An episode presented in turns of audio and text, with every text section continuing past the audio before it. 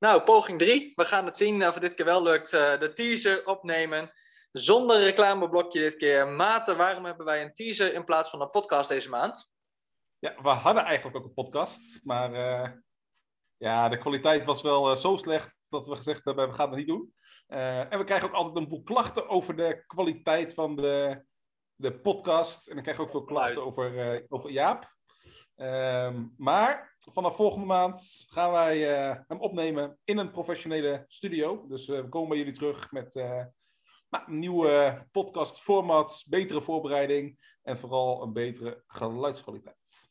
Ja, en er is ons ook beloofd dat er jingles bij zouden zitten. Dus ja, daar zien jullie natuurlijk enorm naar uit dat er met gewoon met audio technische dingetjes ondersteund wordt. Nou, hartstikke leuk. Het belooft één groot spektakel te worden en echt iets voor jullie ook om naar uit te kijken. Wij hebben er heel veel zin in. Ik mag dus geen reclame maken over het Leiders Event of over de oliebollenactie. Daarvoor moet je op de website zijn. En uh, voor nu alvast een fijne jaarwisseling en kerstdagen en dat soort dingen. Tot snel.